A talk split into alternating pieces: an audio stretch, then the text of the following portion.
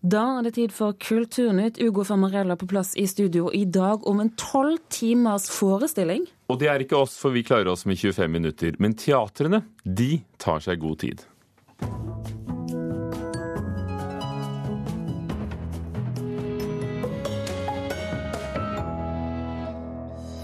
Maratonforestillingene inntar norske teatre. Jon Fosse skriver på et tolvtimers stykke basert på Edda. Nå er det bestemt. Regjeringen vil at alle vikingskattene i Oslo skal samles sammen med vikingskipene på Bygdøy. Og skuespiller Minken Fossheim setter opp eventyr om operastjerne Kirsten Flagstad. Hello, hello. Yes, I am the mother of Kirsten Flagstad. Sparer, og vår anmelder sparer ikke på adjektivene når det gjelder 19 år gamle Konrad Tao, et talent på fele og klaver. Og vi anmelder ham senere her i Kulturnytt. Det Norske Teatret planlegger to nye maratonforestillinger. Et tolv timers langt stykke av Jon Fosse, basert på Edda, og teatret satte i vår opp den seks timer lange forestillingen Bibelen. Og dette har altså gitt mersmak på teaterstykker i det store formatet. Sånn, da er vi på selve hovedscenen. Så her, var, her spilte vi jo Bibelen, da. Svære prosjektet som gikk inntil for en måned siden, var det vel. Siste forestilling. Teatersjef ved Det Norske Teatret, Erik Ulvsby, står framfor hovedscenen på teatret. I vår ble den seks timer lange forestillinga Bibelen spilt på scenen framfor han. Nå har Ulfsby nye planer. Det er et prosjekt som Jon Fosse sitter og skriver nå, som baserer seg på Edda. Og som den belgiske stjerneregissøren Luc Perceval kommer hit til teatret for å gjøre. Det ser ut til at det blir også i samarbeid med tysk teater, slik at vi skal ha både tyske og norske skuespillere, og at vi skal spille både i Tyskland og i Norge. Om oppsetninga av Bibelen var lang med sine seks timer, er det mulig at stykket til Fosse blir det dobbelte. Og det er et prosjekt som Luc har stipulert til å vare i tolv timer. Vi får se. Men det er ikke bare et tolv timer langt stykke av Jon Fosse Ulfsby har planer om å sette opp. Teatersjefen har også planer om et maratonstykke på lengde med Bibelen eller lenger. Det andre er den andre verdenskrig. Så vi er i veldig, veldig konstruktiv og, og, morsom dialog med de største dramatikerne i verden rundt det prosjektet, som kanskje skal spilles på natten. Men det er ikke bare Det Norske Teatret som tilbyr publikum flere timer lange forestillinger. Festspillen i Bergen satte i vår opp til nesten seks timer lange stykket Silukant. Og Torshov-teatret har i september premiere på Også videre. Et stykke på fem timer. Da skal vi se, her er det første manuset mitt, og det slutter på side 162. Heidi Goldmann spiller ei av hovedrollene i Også videre. Nå sitter hun hjemme på kjøkkenet og blar i manuset til stykket. Og så har jeg tilsvarende ett andre del, og så er det tredje del som jeg driver og jobber på slutten her, da. Skuespilleren har et helt spesielt forhold til flere timer lange teaterstykker. Når jeg på en måte oppdaget teatret som ung, med sånn slutten av 80-tallet, begynnelsen av 90-tallet, så var det, da var det også veldig mange sånne lange forestillinger. Og jeg må jo si at for meg var det en sånn Ja, det var vel kanskje sånn jeg oppdaget teatret. At uh, var følelsen av å være på en sånn slags festival. Da, at man er sammen på en, uh, med både skuespillere og som publikum. Allan Lucien Øyen regisserte stykket Silukant, som i vår hadde premiere under Festspillene i Bergen. Han tror det er en grunn til at folk kommer på de lange forestillingene. Jeg tror folk liker å følge karakterer over lengre, lengre tid. Å få være i noe over lenger. Som jeg har sagt mye når vi ble konfrontert med vår forestilling, som var nærmere seks timer. da. Hvor alle sa liksom å, seks timer. det, det, det, det, er virkelig hvor sjokkert folk blir altså, når de hører det. Jeg prøver å si at det er jo ikke mer enn en fem episoder av Sopranos på slengen, liksom, eller Mad Men. Og det gjør jo folk glatt på en søndag ettermiddag. Går vi ned i prøvesal 1. Tilbake på Det Norske Teatret mener Ulvsby at det er behov for teaterstykker som varer i timevis. I en tid hvor ting går fortere og fortere eh, og blir mer og mer hektisk, så tror jeg nok at behovet er økende for ting som går eh, langsomt, og et lerret som er mye lenger. Mm, Det sa Erik Ulsby, som er altså sjef på eh, Det Norske Teatret. Og premieredatoene for stykkene er eh, ikke bestemt ennå, men de blir sannsynligvis høsten 2015 og våren 2016. Reporter var Camilla Yndestad. Karen Frøsland Nystøl, teateranmelder her i NRK. Hva var din reaksjon da du hørte om disse to store, lange stykkene til Det Norske Teatret? Nei, det, det, overrasker meg ikke. Jeg, eh, jeg så det komme. Uh, Ulfsby er en mann uh, som liker ekspansivt teater. Han er en mann for de store formatet. Og en mann, en teatersjef som våger nytenkning. Og når Bibelen gikk så bra som den gjorde, med ekstraforestillinger og alt, så tenkte i hvert fall jeg tidligere i vår at det er jo ingen grunn til for han å sette på bremser. Nå kan han bare kjøre på. Han har funnet noe som han kan utvikle. Så jeg har hatt en liten gjettekonkurranse med en kollega her i NRK med hva som blir Ulfsbys neste store fortellende prosjekt. Og jeg må jo si jeg er ganske fornøyd med å ha gjetta um, Heimskringla, for stort nærmere Edda-diktning kommer man uh, kanskje ikke. Hva gir det deg som sitter og ser på, når du går inn i et så langt stykke? Det, det, er det du sier, det gir meg noe å gå inn i. Det gir meg karakterer å følge, og det gir meg en hel historie. For vi må huske på at eh, oppsetninger av mange klassikere nå for tida, det, det handler om å ta ut eh, skal vi si da, Å kutte i klassikere og ta ut essensen i det, å ta ut én karakter og bygge ut dens historie. Og det, det gir andre formater til Ibsen og Shakespeare og disse kjente dramatikerne. Så de forestillingene varer gjerne kanskje halvannen time og har ikke pause. Så teaterpublikummene er blitt vant til kortere forestillinger, at de sitter kortere tid i teatret. Og da er det helt naturlig at en sånn motreaksjon kommer med, med lange forestillinger. Og vi har jo sett det med, på det frie feltet, bl.a. med Vegard Winge og Ida Müller, som har satt opp Ibsen på minimum tolv timer og gjort veldig spesielle forestillinger.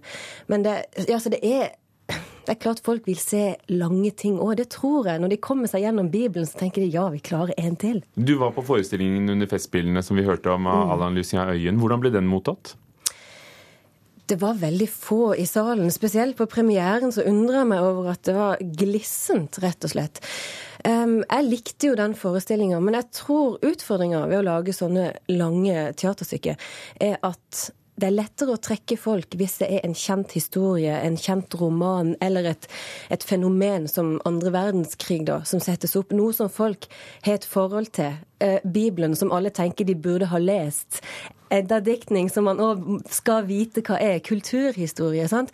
Nå har man sjansen til å komme og oppleve det i teatret. Silicanth eh, under Festspillene i Bergen var noe helt nytt. Noe helt nylaga, nyskrevet. En, en forestilling som handler om jakta på den gode historie. Og det er klart at det det er kanskje ikke det som lettest trekker folk til en lang forestilling. Og Silikant, for de som lurer, er altså navnet på en forhistorisk fisk. Bare så er det mm. avklart, som ikke tenker mer på det. Eh, det er jo ganske annerledes å arbeide som for teatret nå. Byr kanskje på noen utfordringer? Ja, ja, altså det, det Tariffavtaler, arbeidstider, ja. prøvetider? ja.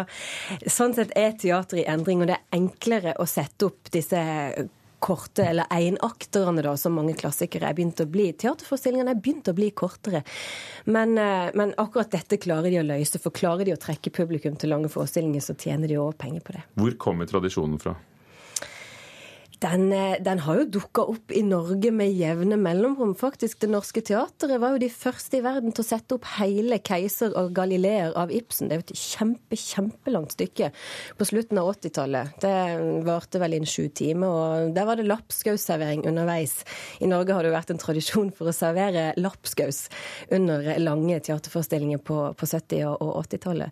Og Den nasjonale scene satte opp Hellemyrsfolket på 90-tallet til så stor suksess. De, de kunne bare spille spille og spille den helt til de måtte ta den av plakaten fordi noen andre teaterstykker òg måtte få plass. Det er jo ikke så ofte det har skjedd med disse store suksessene, men når det skjer, med disse lange, så, så kommer jo folk, og det er jo gøy. Og nå kommer det flere stykker òg. Takk skal du ha, Karen Frøsland Nystøl, teaterkritiker.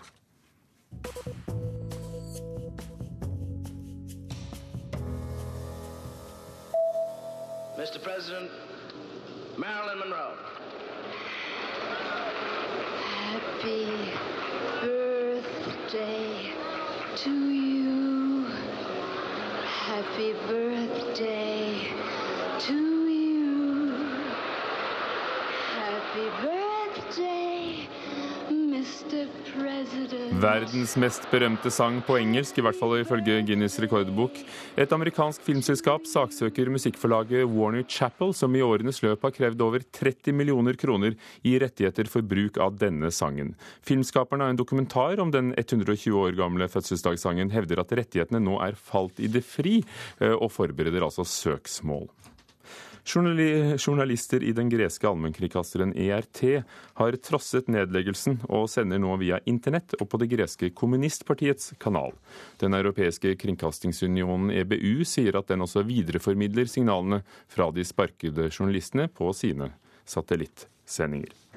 Og flere av BBCs ansatte er blitt truet på livet av iranske myndigheter, ifølge den britiske kringkasteren. Før dagens presidentvalg i Iran har det iranske etterretningsdepartementet ringt familiene til 15 BBC-ansatte i London med trusler, og bedt eh, familiemedlemmene om å ikke jobbe med saken.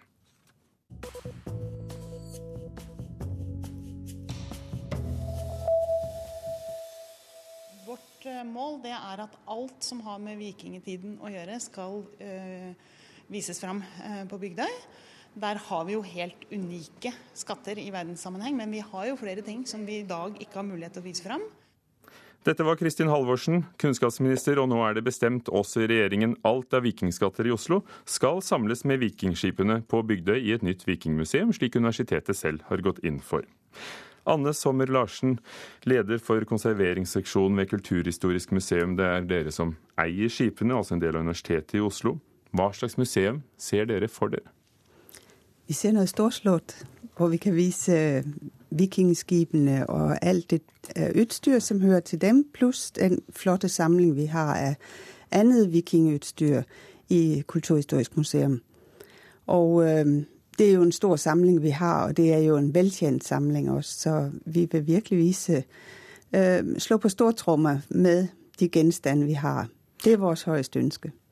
Det som ses i dag, er, øh, er skatter fra Osebergfunnene, det er skipene. Men hvor mye er det dere har som vi ikke får se, og som ligger i magasinene? Og vi har tusenvis av gjenstander, og vi har jo masse gjenstander som øh, selvfølgelig hører til Oseberg og Gokstadfunnene.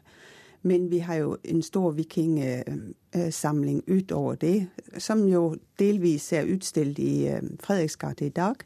Men vi har masse ting på, på magasinene som, øh, hvor de ligger og venter på å komme frem. Og nå er du ansvarlig for konserveringen. Og det store spørsmålet er øh, hvordan står det til med tingene? Ja, altså Vi har jo snakket veldig mye om det tidligere, og, øh, og, det er jo noe av det som konserveringsseksjonen har lagt fokus på i forhold til bevaringsforholdene for de gjenstandene. For det er deler av samlingen som er sterkt troet. Og det er de allonnkonserverte gjenstandene fra øh, vikingskipene. Og det har vi jo heldigvis fått en forståelse for, at det her det er et omfattende problem. Altså De er konservert med alun. Hva, hva ja. gjorde man? Man kokte gjenstandene i en alunsaltoppløsning. Og, øh, og, det var det beste man hadde den gang omkring 1900-tallet, hvor de her gjenstandene kom opp.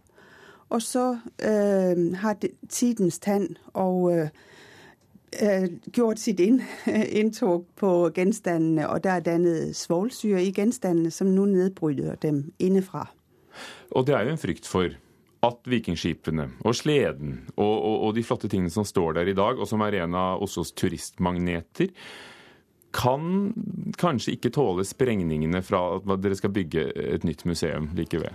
Ja, Det er jo selvfølgelig et skrekkscenario å tenke seg at uh, de skal bruke uh, altfor kraftig uh, sprengning for å de her få et nytt museum opp. Men gjenstanden vil vi jo naturligvis sikre innen at Øh, byggearbeiderne pågår. Fordi vi ser jo også at det, øh, et nytt senter vil jo selvfølgelig gi omfattende bygningsaktivitet på Bygdøy øh, omkring det gamle vikingskibshus. Men øh, skibene skal jo bli i det gamle byg, håper vi på. Og, øh, og der øh, skal vi sikre dem så godt som vi kan mot vibrasjoner.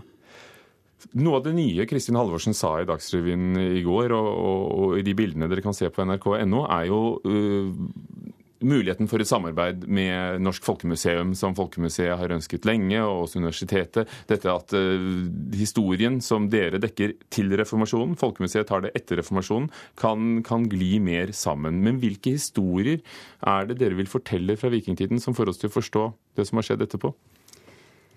Ja, er jo, Vikingetiden er jo en rikholdig periode hvor det både er handel og kultur og øh, håndverk og ja, den representerer så utrolig mange fasetter, og de fund vi har, de representerer jo like mange fasetter. Så historiene er mangfoldige, og hvordan vi skal øh, trekke linjene i forhold til øh, tidslinjen, det øh, har vi ikke taget noen endelig beslutning om ennå. Men vi har mange historier innenfor den samling vi har, som, som kan fortelles. Takk skal du ha, Anne Sommer Larsen fra Universitetet i Oslo og Kulturhistorisk museum. Klokken er allerede ti på halv ni. Du hører på Nyhetsmorgen i NRK, som var disse overskriftene i dag.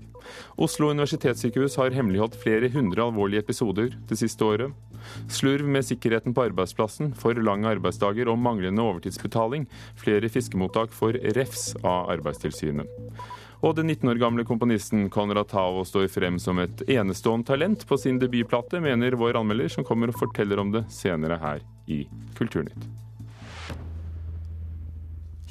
Minken Fossheim har gjort suksess med sine eventyr om Mozart, Bach, Beethoven og Grieg. Og nå er hun aktuell med et nytt eventyr, denne gangen om sopranen Kirsten Flagstad. Det er jo alltid morsomt å fortelle historier om spesielle mennesker som har gjort noe spesielt. Kom fort før journalistene kaster seg over oss! Nei, nå må du slutte å være så uhøflig mot de søte menneskene, Kirsten. Åh, ja! Året er 1938. Minken Fossheim, som mor til Kirsten Flagstad, er kommet for å besøke den verdensberømte dattera i New York. Der møtes de av en horde pressefolk. Hello, hello. Yes, I am the mother of Kirsten Flagstad. Minken Fossheim har tidligere gitt ut eventyrene om bl.a. Tsjajkovskij, Ole Bull, Bach og Beethoven på CD. Eventyret om Kirsten Flagstad er annerledes. Dette er et ordentlig teaterstykke. Teaterstykke med masse sang. Seiler en båt på bølge, og der er kun én om bord. Ja, det er jo ikke helt sant, da. Kirsten Flagstad ble kalt århundrets stemme og var verdens kanskje største kjendis i sin tid. Det var tusener på tusener som sto og ventet på henne på kaia da hun kom med amerikabåten fra Norge. Altså, Hun var virkelig superstjerne. Og så har hun alltid singed and played piano. Yes, Hele vår familie played and singed. And uh, mesteparten av our guest uh, also. Eventyret om Kirsten Flagstad er en del av Flagstad-jubileet 2013. Konsert- og teaterforestillinga viser nye sider av operalegendens liv sier regissør og manusforfatter Kristen Grødem. Nei, Livet er jo som en, som en, film, som en svær roman med alt man ønsker seg av katastrofer og suksesser og et, en spennvidde som er veldig, veldig stor. Eh, det var nok mange sorger, også i forhold til de valgene hun hadde tatt. F.eks. det at hun var mye borte fra familien. Kirsten Flagstads liv var fylt av kjærlighetshistorier, konflikter og kriser og hun ville avslutte karrieren flere ganger. Under krigen ble Kirsten Flagstad beskyldt for å være nazisympatisør, noe hun i ettertid er blitt renvasket for. Hun var en utrolig sammensatt person, sånn som jeg ser det. Hun var på en måte veldig sjenert. Og samtidig var hun det, jo slett ikke det, for hun sto jo som en påle på scenen og elsket å være på scenen. Men hun var eh, veldig privat, samtidig som hun var en verdensstjerne. En av Norges viktigste damer. Det må vi ikke slutte å, å, å, tenke på. Sier daglig leder Torbjørn Bekkevold i Musikk i Hedmark, som står bak konsertforestillinga. Kirsten Flagstad spilles av sopranen Tanja Irene Leine. Musikere er Ellen Flesjø på cello og Vebjørn Anvik på klaver. Og hun her, ja, hun har aldri hatt problemer med boys og sånn. Nei da, det var friere på døren siden hun var little girl. Ja. Men mor, da. Du vet jo at jeg var noe av det mest ukyssede som fantes. Eh, jeg er fascinert av hennes eh, jordnære måte å være en stjerne på. Altså, hun er opptatt av å formidle den musikken, men jeg eh, er ikke så opptatt av å gå i selskaper. Du skal få snakke med flere journalister, mor. Oh. Ja, de, de, dukker opp overalt med, med fotoapparaturer og notisblokker. Jo. Kom nå, så drar vi til hotellet. Ja, ja. Adjø, da. Dette passer jo også for unge mennesker. da. Veldig mange voksne har jo et forhold til opera og klassisk musikk i det hele tatt og tror det er så tungt. Men det tror jeg vi skal klare å motbevise. Det er en humoristisk eh, fortelling Kristen har laget, eh, selv om det også er masse alvorstoner, selvfølgelig, for det var mye alvor i hennes liv. Men husk det, mor. Ingen journalister her i garderoben. Ja, de bare røker og forstyrrer. Skuespiller Minken Fossheim og sopran Tanje Rene Leine var det vi hørte til slutt her. Um, Det var uh, om Kirsten Flagstad og Steine Seide hadde laget reportasjen.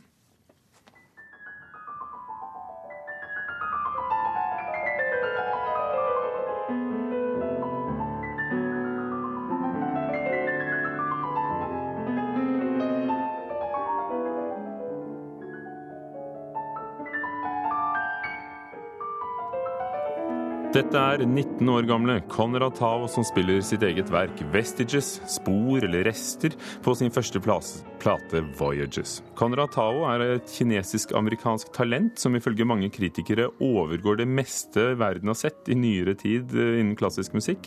Han både spiller piano og fiolin, komponerer både klassisk og elektropop. Og så har han vunnet mange priser og stipender, skrevet flere bestillingsverker og turnert verden rundt som klaversolist, anmelder Øystein Sandvik.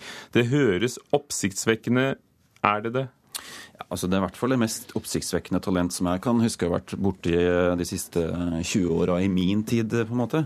Altså Det han gjør innenfor hver og en av disse feltene hadde jo vært imponerende i seg selv. Altså Han er en glimrende pianist allerede som 19-åring. Han fylte 19 nå på tirsdag, så vidt jeg husker. Han er også en merittert uh, komponist, uh, og spiller da i tillegg fiolin på høyt uh, nivå. Det er klart at Han er fryktelig flink, men samtidig så er det en sikkerhet i alt han gjør som synes jeg lover om at det er noe interessant på gang. Det var ikke mange toner vi hørte, men hvordan vil du si han komponerer? Altså Det hører veldig tydelig inspirasjonskildene hans i det han skriver. Altså Det er på den ene siden amerikansk minimalisme, altså Philip Glass, Steve Reich, og så har du på den andre siden de franske impresjonistene, Debussy, Ravel. Og det man ikke hører noe av, er jo da disse sporene etter europeisk modernisme. Og det er jo interessant å merke seg. Så det, det Foreløpig så er det kanskje ikke så veldig originalt, men det har likevel et særpreg som, som berører. altså Det er alltid et eller annet her som, som berører lytteren. Så man aner i hvert fall konturene av en musikalsk personlighet som forhåpentligvis vil slå ut i blomst etter hvert. På denne platen fra, fra EMI Classics så har han med seg verker av Meredith Monk, Rakhmaninov og Ravel. Er det en god blanding?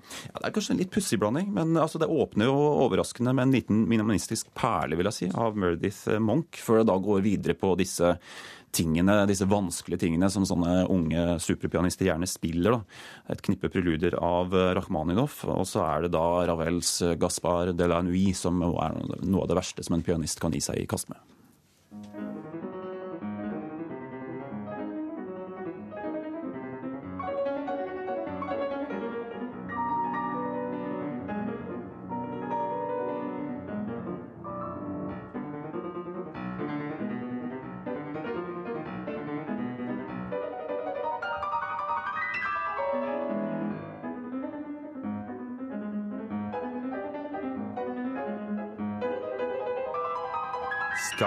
Fra Gaspar de la Nuit, Maurice Ravel.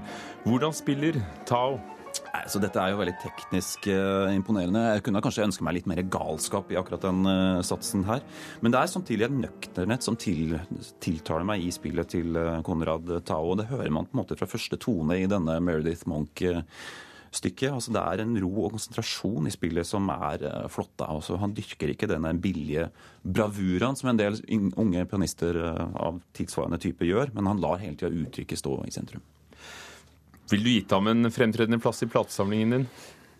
Ja, altså Foreløpig så er kanskje dette mer imponerende enn uh, gripende. Men om man ikke liksom løper i butikken og kjøper plata, så bør man kanskje sjekke ut dette på Spotify eller på YouTube. Altså Det ligger mye uh, små filmer og snutter og diverse stykker ute på, uh, på, nettet. Så det er litt som Mozart sa etter å ha hørt Beethoven spille første gang som tenåring, at legg merke til denne mannen. Legg merke til navnet. Eh, han fylte jo 19 år akkurat nå i, i, denne uken. Fått store oppslag i New York Times, eh, der i New York han har gått på skole, og, og, mye oppmerksomhet. Også her i Kulturnytt. Men hvordan ser du for deg fremtiden hans, Øystein Sandvik? Altså, han skal jo åpenbart først nå opp i elitedivisjonen av eh, pianister, og det, det, kommer nok i årene som kommer. Altså, han har jo enda ikke spilt med de aller største orkestrene i Berlin, London, Chicago og New York.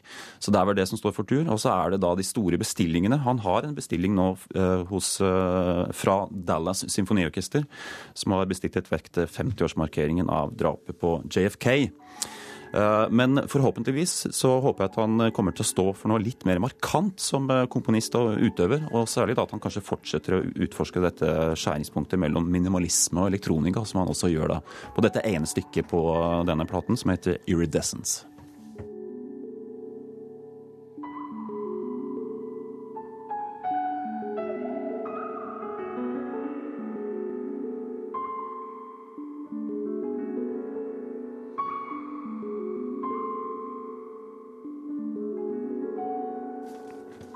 Øystein Sandvik var det som var her og snakket om Conrad Taus debutplate 'Voyages', og det er den vi hører fra her.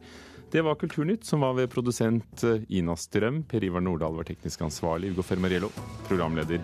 Du hører på Nyhetsmorgen i NRK P2 Alltid nyheter klokken halv ni.